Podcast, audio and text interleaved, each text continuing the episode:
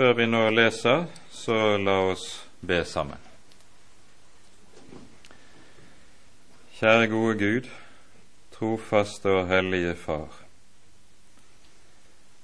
Nå takker og lover vi deg for all din godhet imot oss.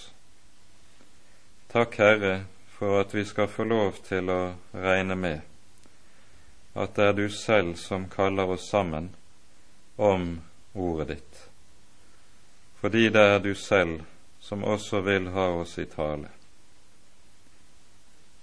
Derfor, Herre, har vi også frimodighet til å be deg at du vil komme, og at du vil være hos oss med din Hellige Ånd og åpenbare dine ord for oss. Vi ber, Herre, at du vil tale til oss, så vi kan få se din Sønn i Ordet.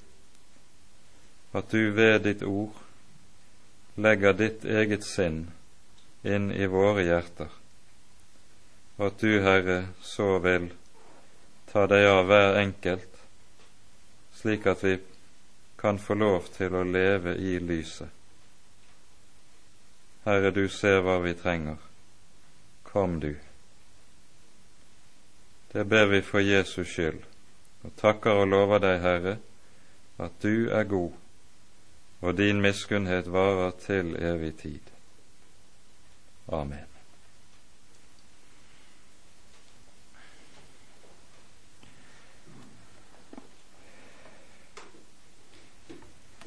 Vi gjør det da slik at vi for sammenhengen sin del leser de 14 første versene i kapittel 5 i Efeserbrevet. Eh, vi rekker nok ikke å gå igjennom alle disse versene, men jeg tror det kan være godt at vi tar det for å få et visst overblikk over selve sammenhengen. I Jesu navn. Bli derfor Guds etterfølgere som Hans elskede barn og vandre i kjærlighet, like som Kristus elsket dere og ga seg selv for oss som en gave og et offer, Gud til en velbehagelig duft. Men utukt og all urenhet og havesyke må ikke engang nevnes iblant dere, således som det sømmer seg for hellige heller ikke skamløs ferd, dårlig snakk eller lettferdig tale, som alt sammen er utilbørlig, men heller takksigelse. For dette vet og skjønner dere, at ingen horkarl eller uren eller havesyk, som er en avgudsdyrker, har arv i Kristi og Guds rike. La ingen dåre dere med tomme ord, for på grunn av disse ting kommer Guds vrede over vantroens barn. Ha derfor ikke noe med dem å gjøre, for dere var fordum mørke, men nå er dere lys i Herren. Vandre som lysets barn. For lysets frukt viser seg i all godhet og rettferdighet og sannhet, i det dere prøver hva som er velbehagelig for Herren, og har intet å gjøre med mørkets ufruktbare gjerninger, men refs dem heller. For det som lønnlig drives av dem, er skammelig endog å si, men når det refses, blir det alt åpenbart av lyset, for alt som blir åpenbart, er lys. Derfor sier Skriften:" Våkn opp, du som sover, og stå opp fra de døde, og Kristus skal lyse for deg. Amen.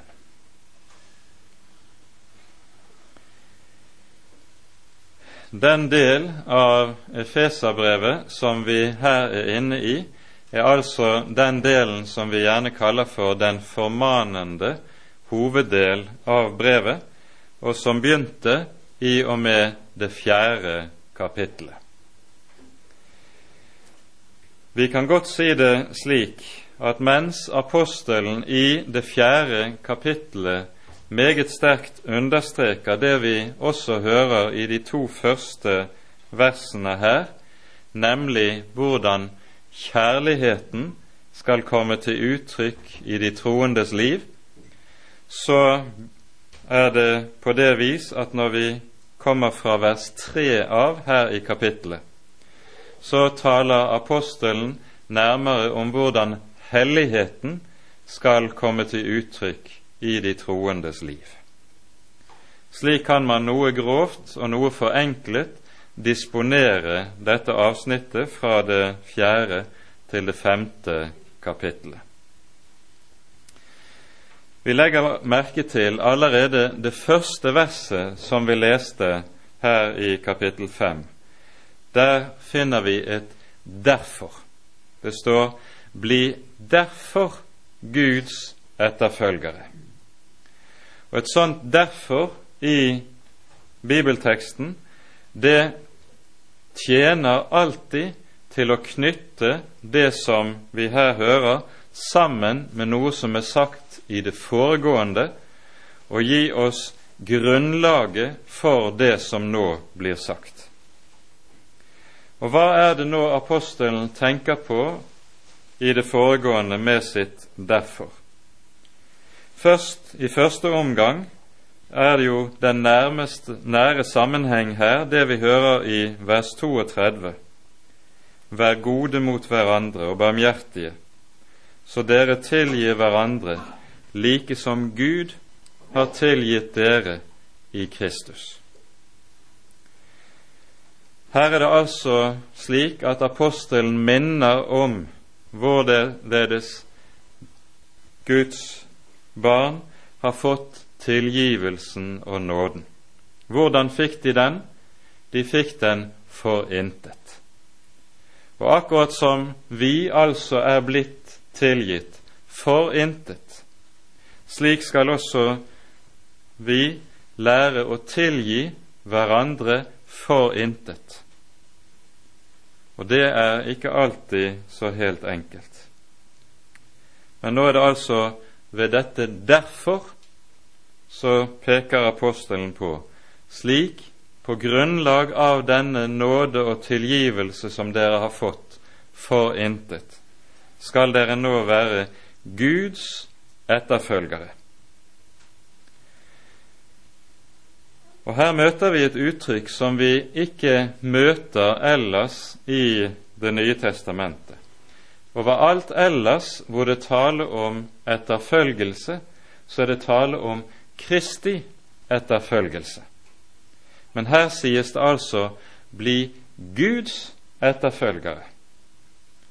Nå skal vi ikke stresse denne forskjellen veldig, i og med at det jo er slik at å etterfølge Herren Jesus, det er også å etterfølge Faderen. Men det vi skal legge merke til her med dette uttrykket, det er noe som vi ikke får øye på uten videre eh, på grunn av våre oversettelser.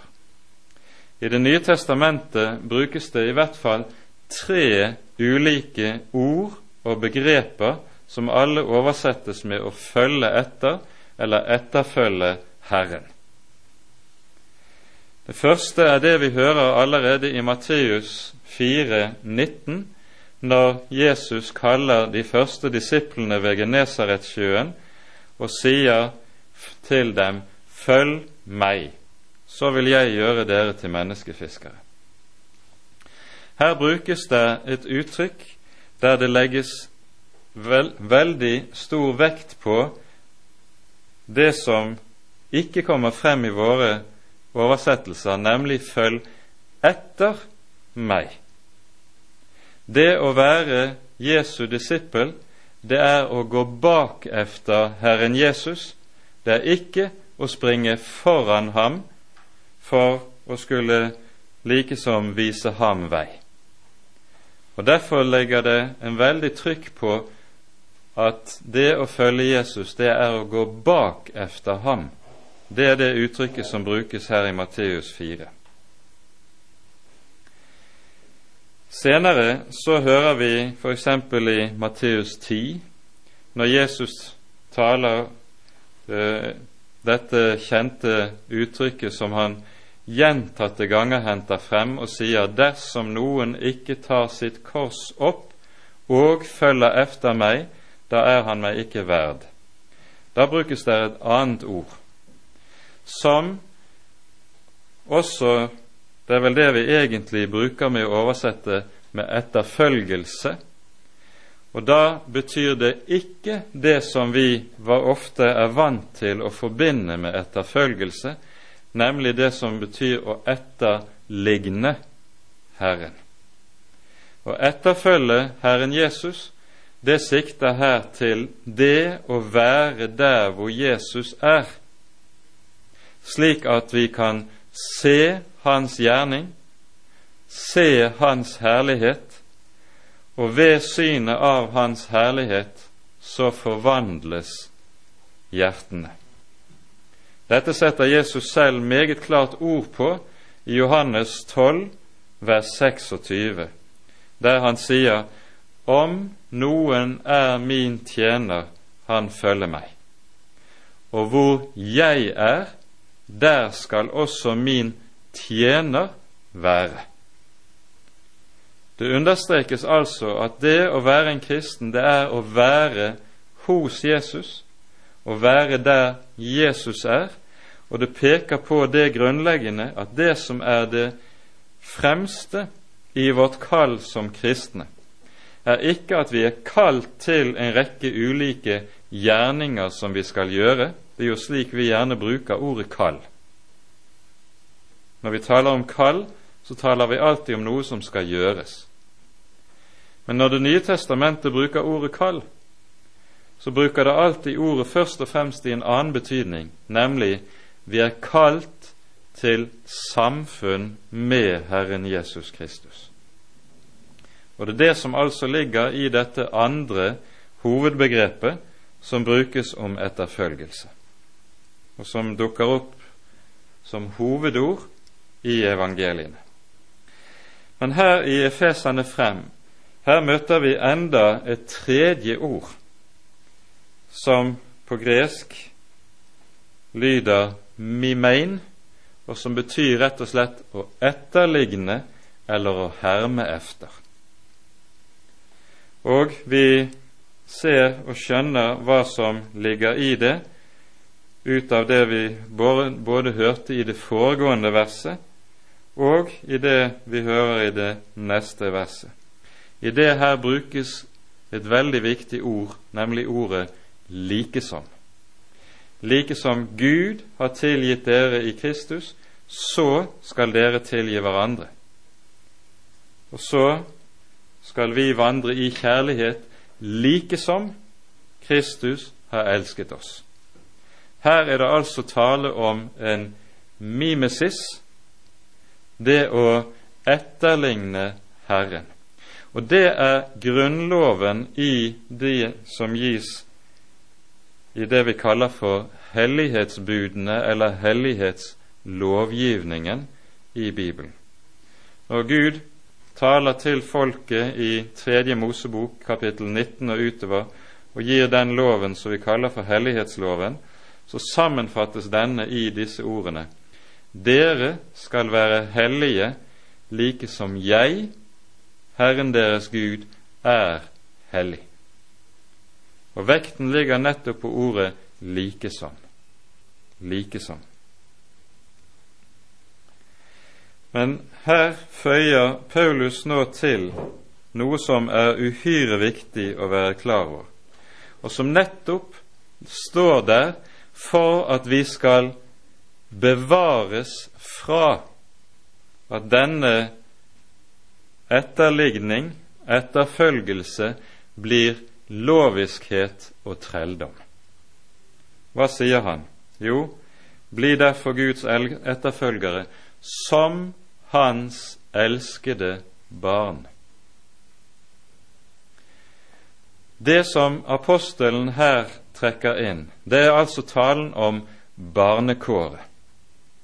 Og når vi hører talen om barnekåret i Det nye testamentet, så står det gjerne i motsetning til det som vi kaller for trellekåret eller trelldommens ånd. Vi les, hopper til Romerbrevet i det åttende kapittel og leser vers 15 og 16.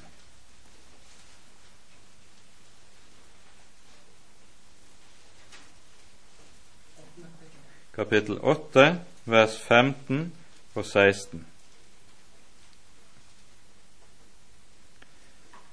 Her leser vi:" Dere fikk jo ikke trelldommens ånd, så dere atter skulle frykte. Men dere fikk barnekårets ånd, ved hvilken vi roper Abba, Far. Ånden selv vitner jo med vår ånd at vi er Guds barn. Hva er det nå som kjennetegner den ånd som Guds barn har fått, som er altså Den hellige ånd, og her kalles barnekårets ånd til forskjell fra trelldommens ånd? Jo, det er nøyaktig den forskjell som ligger i forskjellen mellom loven og evangeliet. Trelldommens ånd har det som sitt kjennetegn at når den kommer inn i kristens, en kristens liv og en kristens hjerte, så skaper den frykt. Hvorfor og hvordan? Jo, den sier alltid det at dersom du bare gjør slik og slik, da er Gud glad i deg. Da hører Gud dine bønner. Da kan du regne med at Faderen er hos deg og tar seg av deg. Men dersom du ikke klarer å oppfylle betingelsen og kravet, da kan du ikke regne med det. Og den som ser sant på seg selv, den som lever i lyset, han vil vite at han ikke oppfyller noen av de betingelser som på denne måten settes opp av loven. Og da melder nettopp frykten seg. Trelldommens ånd som ligger der og gnager og driver meg videre for at jeg må kunne gjøre nok til at Gud skal kunne ta seg av meg, høre mine bønner og se til meg. Det er trelldommens ånd. Trelldommens ånd skapes nettopp av loven, og meget ofte skjer dette at lovsinnet kommer inn hos en kristen. Og da kommer også angsten og frykten. Tryggheten og hvilen i evangeliet blir borte, og så drives en fremover av brodden som aldri gir en fred, men sier hvis du ikke gjør mer, hvis du ikke gjør mer, så. Barnekårets ånd, den er av en helt annen art. Der er det slik som med det lille barnet som er hos mor og hos far.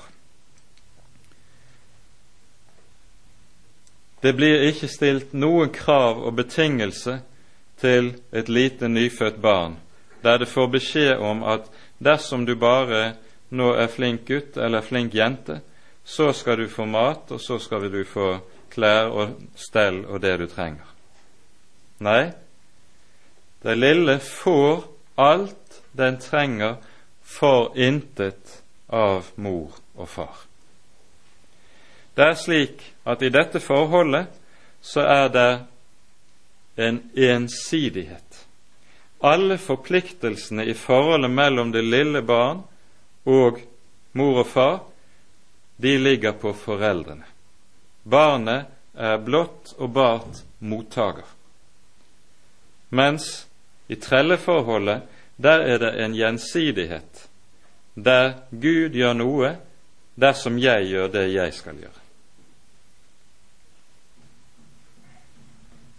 Og Nå er det altså at Paulus taler om hva det er som skal kjennetegne det kristne livet slik. Når det altså sies 'bli Guds etterfølgere', så legges det til 'som hans elskede barn'. Da handler det å leve det nye livet ikke om å havne under loven på ny og i trelldom på ny, men det handler om å vite at det er som et barn jeg nå skal få lov til å leve og vandre og stå under fars omsorg. Når det altså er tale om det kristne livet og den kristne vandringen, så understreker apostelen på denne måten at kilden til og drivkraften for det kristne liv aldri skal være trelldomsfrykten og trelldomsånden som kommer av loven. Loven skal stå der, det skal vi komme tilbake til. Den skal stå der og gjøre sin gjerning. Men det er ikke den som bestemmer om jeg står som barn hos Gud eller ei. Det er evangeliet som avgjør. Og det er noe jeg eier for intet. Legg derfor nøye merke til hvordan apostelen ordlegger seg her. Bli derfor Guds etterfølgere som hans elskede barn. Og så fortsettes det å vandre i kjærlighet, like som Kristus elsket oss og ga seg selv for oss som en gave og et offer Gud til en velbehagelig duft. Her peker apostelen på det vi nevnte innledningsvis kjærlighetens rolle i det kristne livet. Vandre i kjærlighet. Og vi kan med full rett ut fra Det nye testamentet si at det som definerer det kristne livet, det er nettopp kjærligheten. La oss slå opp et par steder der dette sies klart og tydelig. Først 1. Johannes brev, kapittel 3.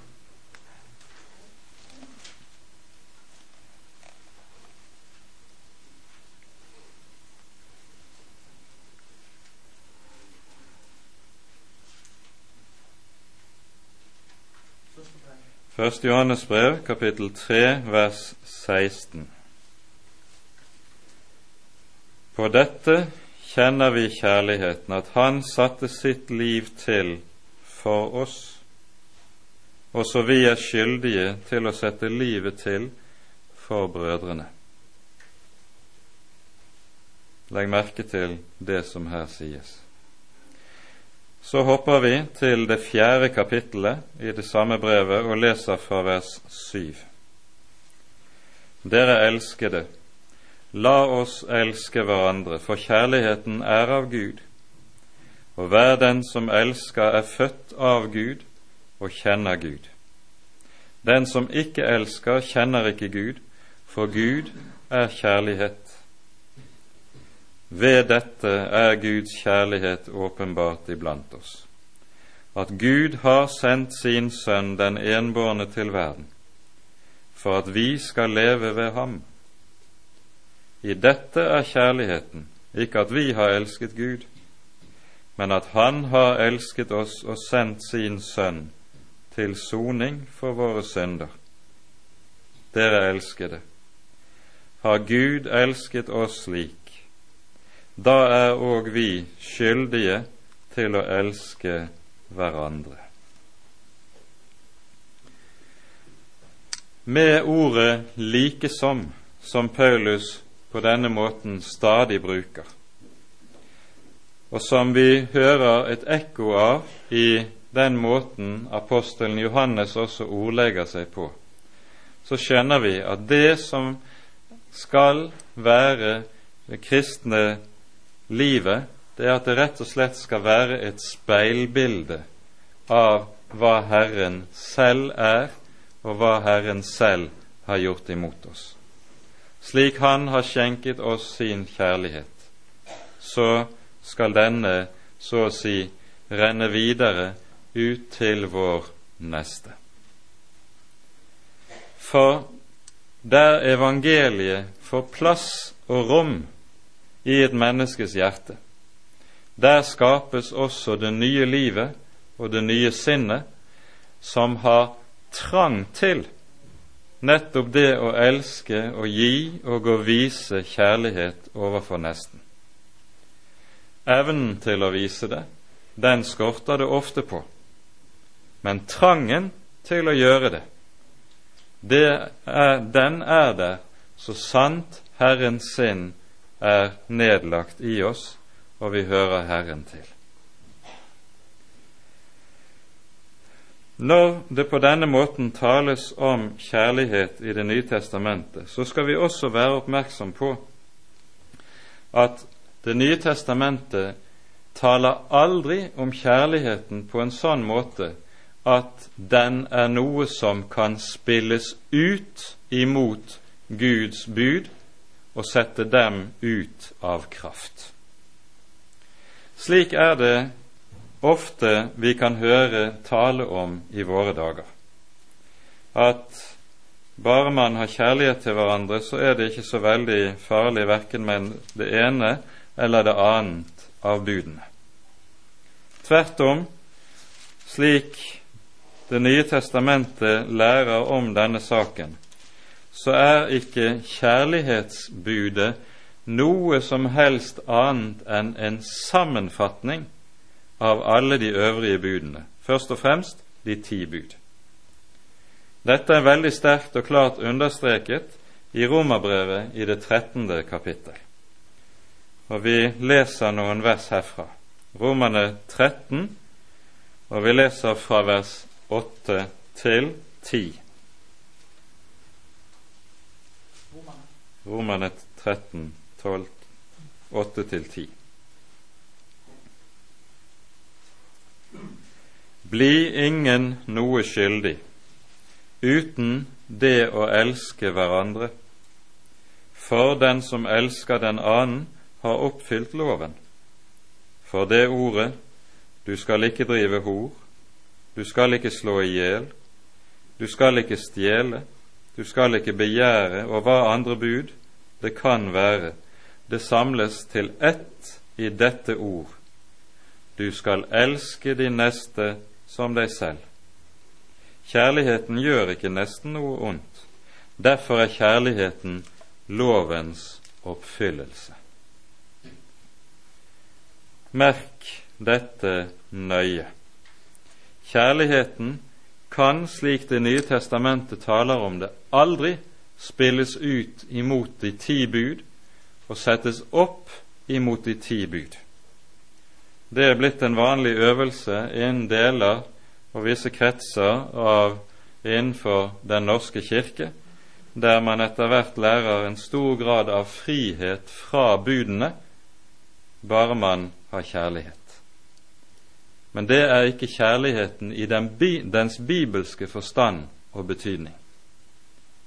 Det er noe helt annet som Bibelen rett og slett vil kalle for frihet for det gamle mennesket. Og den slags kjærlighet kjenner ikke verken Jesus eller hans apostler noe til.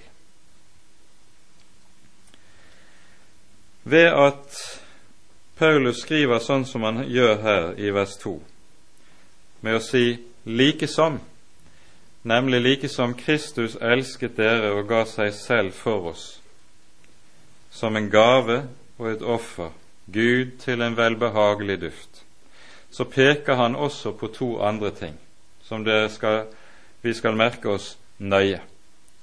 For det første så peker han på det som Martin Luther kalte for de køste.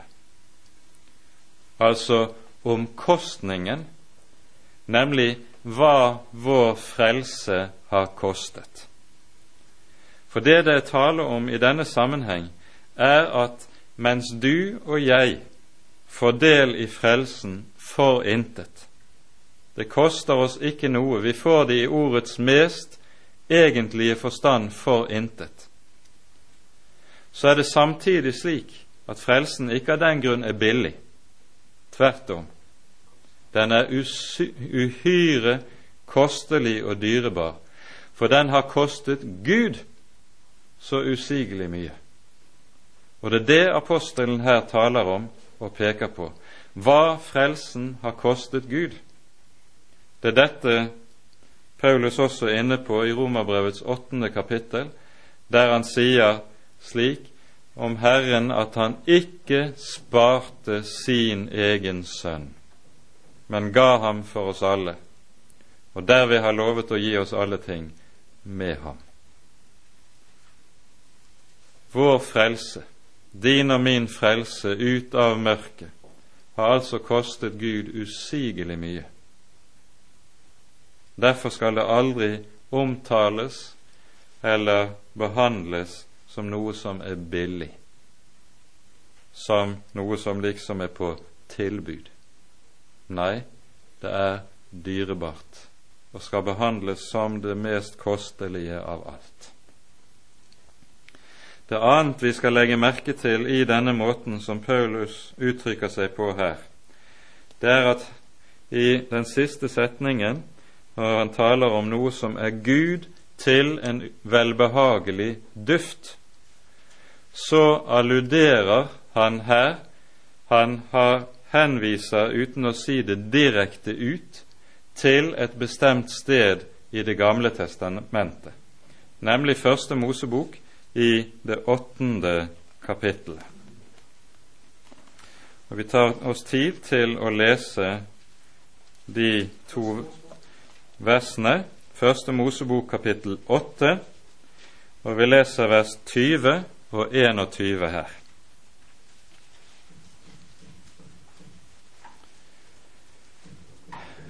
Vi hører her i kapittel 8 om avslutningen på beretningen om syndfloden, og hvorledes Noah og hans følge, hans familie, kommer ut av arken. Og så leser vi da at fra vers 20 Noah bygget Herren et alter. Og han tok av alle de rene dyr og av alle de rene fugler og ofret brennoffer på alteret. Og Herren kjente den velbehagelige duft, og Herren sa i sitt hjerte:" Jeg vil aldri mer forbanne jorden for menneskets skyld, for menneskehjertets tanker er onde fra ungdommen av, og jeg vil aldri mer drepe alt levende som jeg nå har gjort. Gud kjente den velbehagelige duft, og så gir han et løfte. Og hva er det det løftet handler om?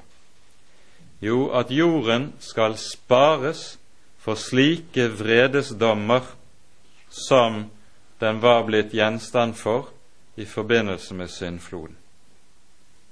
Og gjaldt dette løftet Noah, så gjelder det enda mer Kristus og hans offer.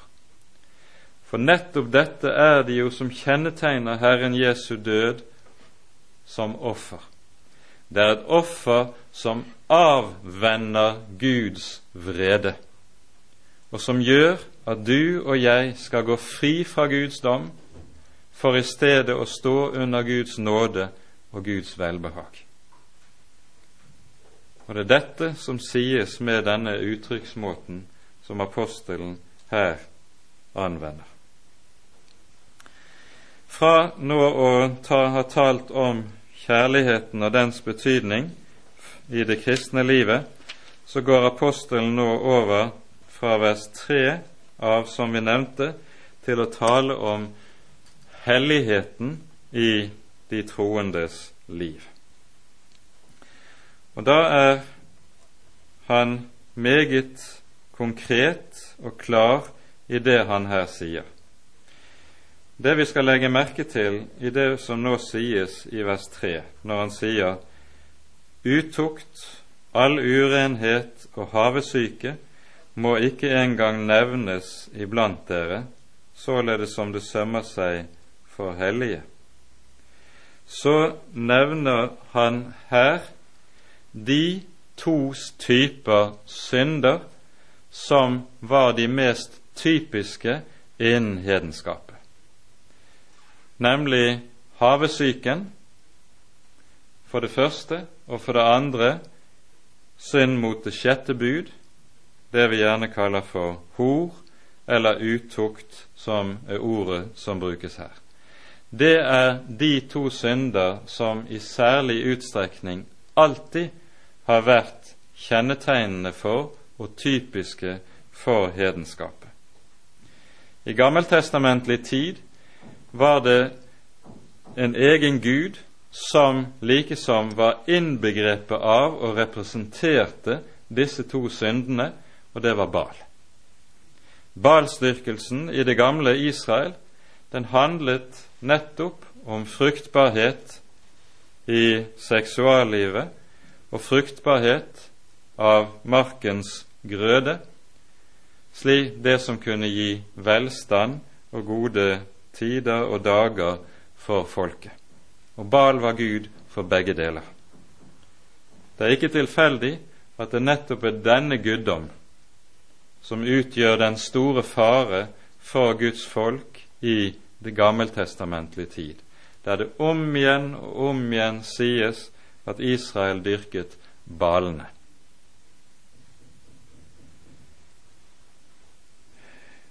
Når det i denne sammenheng skrives om dette nettopp til menigheten i Efesos, så har det også en spesiell, litt interessant eh, side ved seg, som vi nemlig hører om i Efesos. I apostelgjerningene kapittel 19 hører vi om Paulus' opphold i Efesos. Han ble jo værende der i mer enn to år. Og i denne perioden så ble det veldige tumulter i byen av en bestemt grunn. Dere kan lese det når dere kommer hjem. Det var nemlig eh, så mange i Efesos som etter hvert kom til tro, at noe av det som var hovednæringsveien i byen, ble rammet. Folk ble rammet på pungen. Og hva handlet det om? Jo, i Efesos så sto det et tempel som ble regnet som en av verdens syv underverker, nemlig Diana-tempelet. Og Diana det er det romerske navnet på den greske gudinnen Artemis, som igjen er det greske navnet på den kananittiske Astarte, som var Bals ektefelle. Det var et fruktbarhetstempel, og det var fruktbarhetsdyrkelse som foregikk der.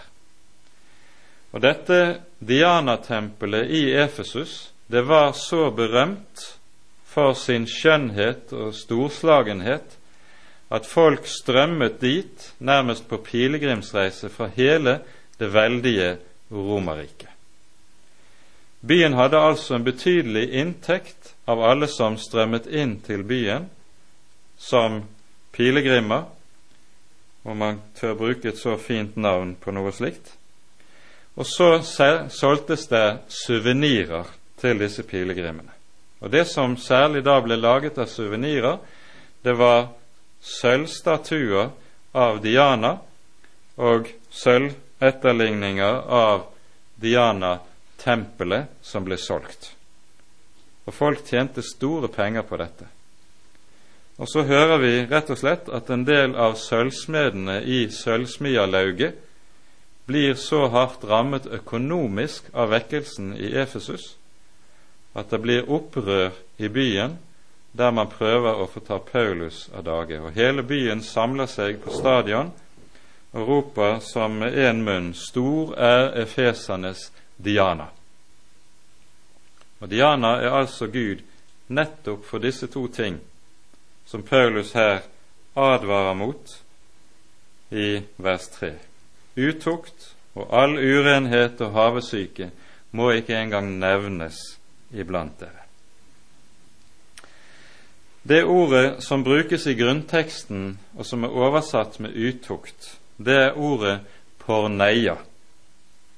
Det er ordet som vi har i ordet for pornografi, og det betyr rett og slett hor. Det betegner all synd mot det sjette bud som skjer utenom ekteskapet, dvs. Si enhver forbindelse mellom mann og kvinne som ikke er velsignet med offentlig vigsel. Og Det er poenget i det som Det nye testamentet sier om seksuallivet. Det er at enhver seksuell kontakt eller forbindelse mellom mennesker som ikke skjer i ekteskap, som er inngått offentlig, det er og blir hor. Og står dermed også under Guds dom som noe som er absolutt imot Guds ord og Guds vilje. Bibelen har også et annet ord som benyttes for å beskrive brudd på det sjette bud. Og Det er et ord som betyr å bryte ekteskapet, og altså betegner f.eks. både skilsmisse, utroskap mot ektefellen og alle lignende typer forhold. Skilsmisse, det å bryte opp det som Gud har sammenføyet i ekteskapet, det er noe som Det nye testamentet også absolutt forbyr. Men her i denne sammenheng er det altså ordet porneia som brukes. Og Her skal vi legge merke til at Bibelen tenker på grunnleggende måte annerledes enn det man gjør i vår kultur om dette. Noen av dere kanskje lest i den kristne dagspressen. For ikke så lenge siden så har en kvinnelig generalsekretær i en av de kristne organisasjonene som er ganske liberale, har uttalt at for hennes vedkommende synes det ikke å være så farlig verken med gruppesex eller enhver annen type seksuelle forbindelser mellom mennesker, enten det nå er samme kjønn eller annet kjønn, så lenge det skjer på ansvarlig måte og man ikke bruker vold. Det vil si enhver form for seksualitet som ikke er voldtekt, må være rett og godt ifølge vedkommende. Og Slik tenkes det jo også for en stor del rundt om i hele den kulturen vi i dag lever i. Bibelen tenker helt annerledes. Seksualiteten er og blir undergitt Guds bud og Guds lov, og er regulert slik på grunn av det helt grunnleggende som henger sammen med selve skapelsen. Gud skapte oss til mann og kvinne, og skapte mann og kvinne for hverandre. Og i ekteskapet det livslange ekteskap mellom mann og kvinne, er det dette som er en Guds gave, skal få lov til å bli levet ut og få utfolde seg. Men skjer det utenom i den sammenheng Gud har bestemt, så går en imot selve Guds skaper vilje. På dette området kom de første kristne til å leve totalt annerledes enn det som var vanlig i datidens hedenske kultur. Og folk så det. Når et menneske ble omvendt og ble en kristen, så sluttet han å løpe fra den ene til den andre som bien rundt til den ene blomst etter den annen. De levet i troskap mot sine ektefeller og elsket og æret hverandre der. Og så ble de kristne på denne måten en motkultur. Og det var ganske iøynefallende, for slik situasjonen på dette området var i Romerriket, lignet det svært, svært meget på det som er situasjonen i dagens moderne vestlige kultur, der alt er tillatt. De kristne representerte altså klart og tydelig en motkultur på dette området. Og Samtidig var de også en motkultur på det området som hadde med penger å gjøre. For det annet som Paulus her nevner altså som noe han advarer imot, det er havesyke. Og Legg merke til at disse to tingene nevnes så å si i samme åndedrag. Det å bli en kristen, det fører til umiddelbart at en kommer i et annet forhold til det som har med penger og økonomi å gjøre, enn det en var i før. For de fleste mennesker er det jo slik at det er om å gjøre å karre mest mulig til seg av mammon. Og hvorfor er det slik? Jo, fordi det er ingenting som hjelper menneskene mer til å kunne realisere seg selv og sine egne lyster enn nettopp mammon. Mammon og det gamle menneskets selvutfoldelse hører derfor uløselig sammen. Og ingen kan le, så, leve som han lyster som den som har mye av mammon. Han har ingenting da som setter grenser for seg og for sin utfoldelse. Derfor er det også slik, som Bibelen taler og tenker om den saken, at mammon alltid er en farlig makt for oss. Og det en kristen skal ta seg i vare for og være seg våken bevisst på gjennom hele sitt liv, det er mot at mammon skal få makt over hjertet. Det er hjertet som skal ha makt over mammon, ikke omvendt slik at jeg kan være fri i forhold til det som mammon er og representerer. Hvordan kommer det til uttrykk? En kristen kommer i et nytt forhold til mammon ved sin omvendelse. For det første blir han ærlig i pengesaker. Han prøver ikke å snyte sin neste og bruke enhver anledning, gitt eller tatt, til å kare mest mulig til seg. Tvert om vil han søke å være redelig i pengesaker, i alt som har med handel og vandel å gjøre, og ikke minst skatt, toll, alle slike ting gjør en kristen rett og sjel for seg på. Selv om det er irriterende å skulle stadig betale disse høye skattene som vi har, så er ikke det min sak å overprøve lovene på dette området. Du og jeg skal følge det som er landets lover på dette området. Det er kristelig rett. Det hører også med til orden og redelighet i forhold til mamma. For det første, en kristen er ærlig i pengesaker. For det annet, i pengesaker så lar en kristen kjærligheten råde.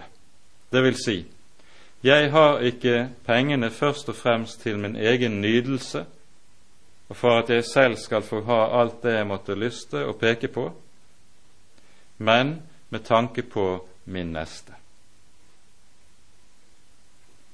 Og det handler da om rett og slett om hvor er det jeg møter min neste. For det første har det med hjemmet å gjøre, at de som Herren har gitt meg i et hjem, skal ha det de trenger. For det andre har det med den trengende som er for min dør. Og for det tredje så handler det om det at en kristen også gir til Guds rikes arbeid. Det er ingen lov i Guds ord i den nye pakts tid at en skal gi tiende. Men så sant en har anledning til det, så er det en god fingerregel at en gjør det. Og ved å gjøre det, så holder en også sin egen havesyke i ave. Så det er sunt også for en kristens eget forhold til pengene at en bruker en sånn tommelfingerregel om en har anledning til det. Men en skal ikke gi over evne, dvs. Si, gi på en slik måte at en selv kommer i nød og vansker, og dermed blir liggende andre til byrde. Det advarer Det nye testamentet imot. Dette være nevnt som konkrete uttrykk for denne saken. Det som preger en kristens forhold til det som har med penger og det materielle å gjøre, kan samles i to-tre sentrale bibelord som vi tar oss tid til å se på. Først Første Korinterbrev, kapittel 7.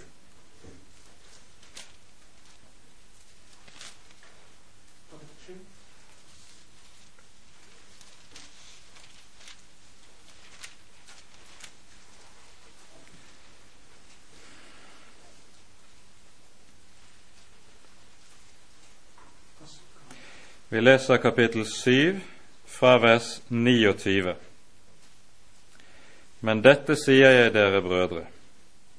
Tiden er kort, slik at heretter de som har hustruer, skal være som de som ingen har, de som gråter, som de som ikke gråter, de som gleder seg, som de som ikke gleder seg, de som kjøper, som de som ikke eier noe, og de som bruker verden, som de som ikke bruker den. For denne verdens skikkelse forgår. Det apostelen peker på med dette, er at en kristen er seg bevisst at vi lever i lyset av Kristi gjenkomst.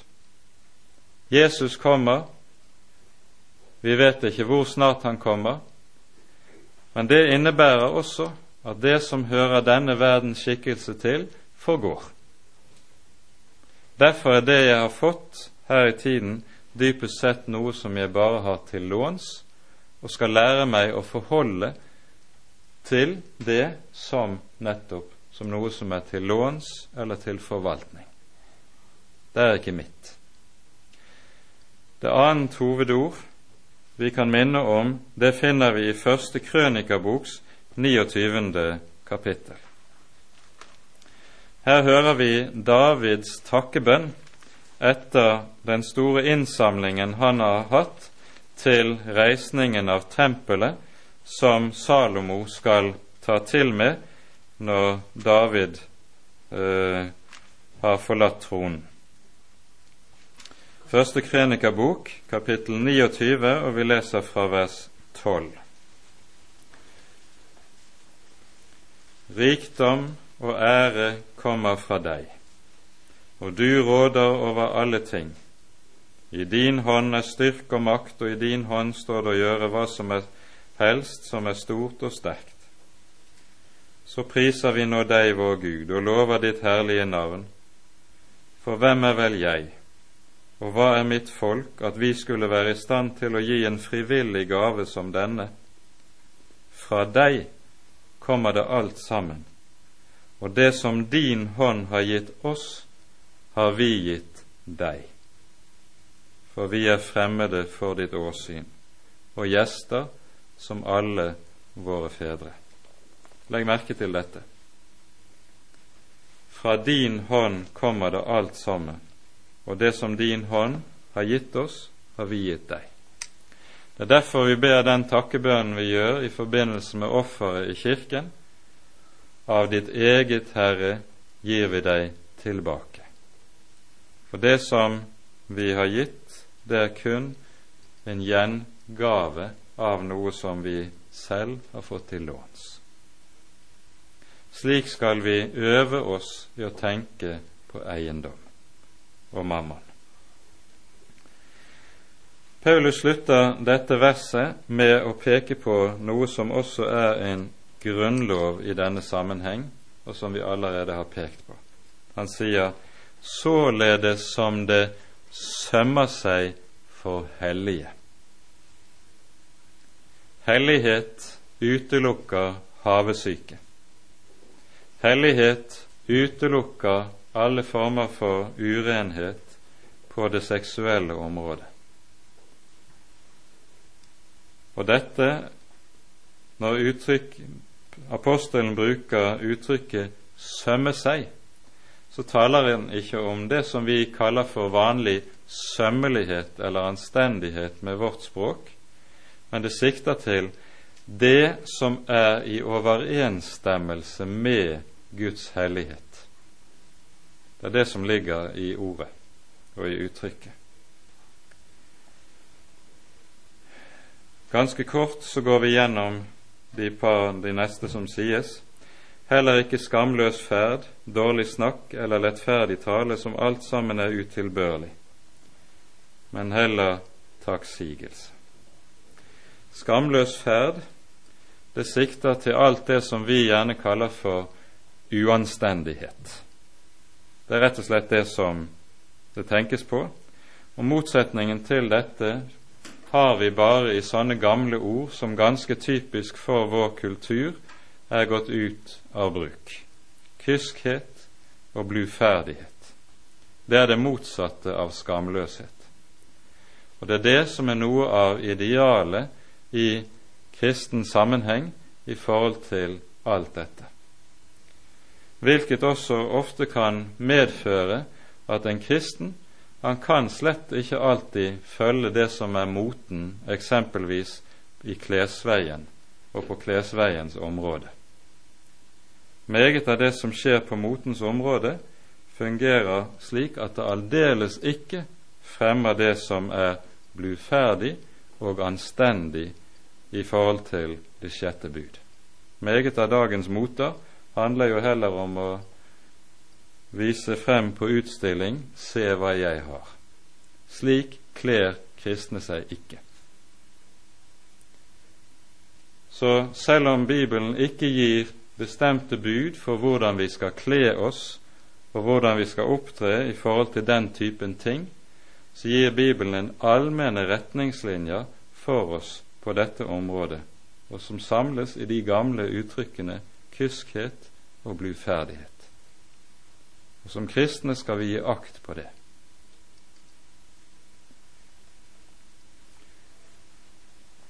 Så tales det også om hvordan vi snakker sammen. Dårlig snakk, lettferdig tale.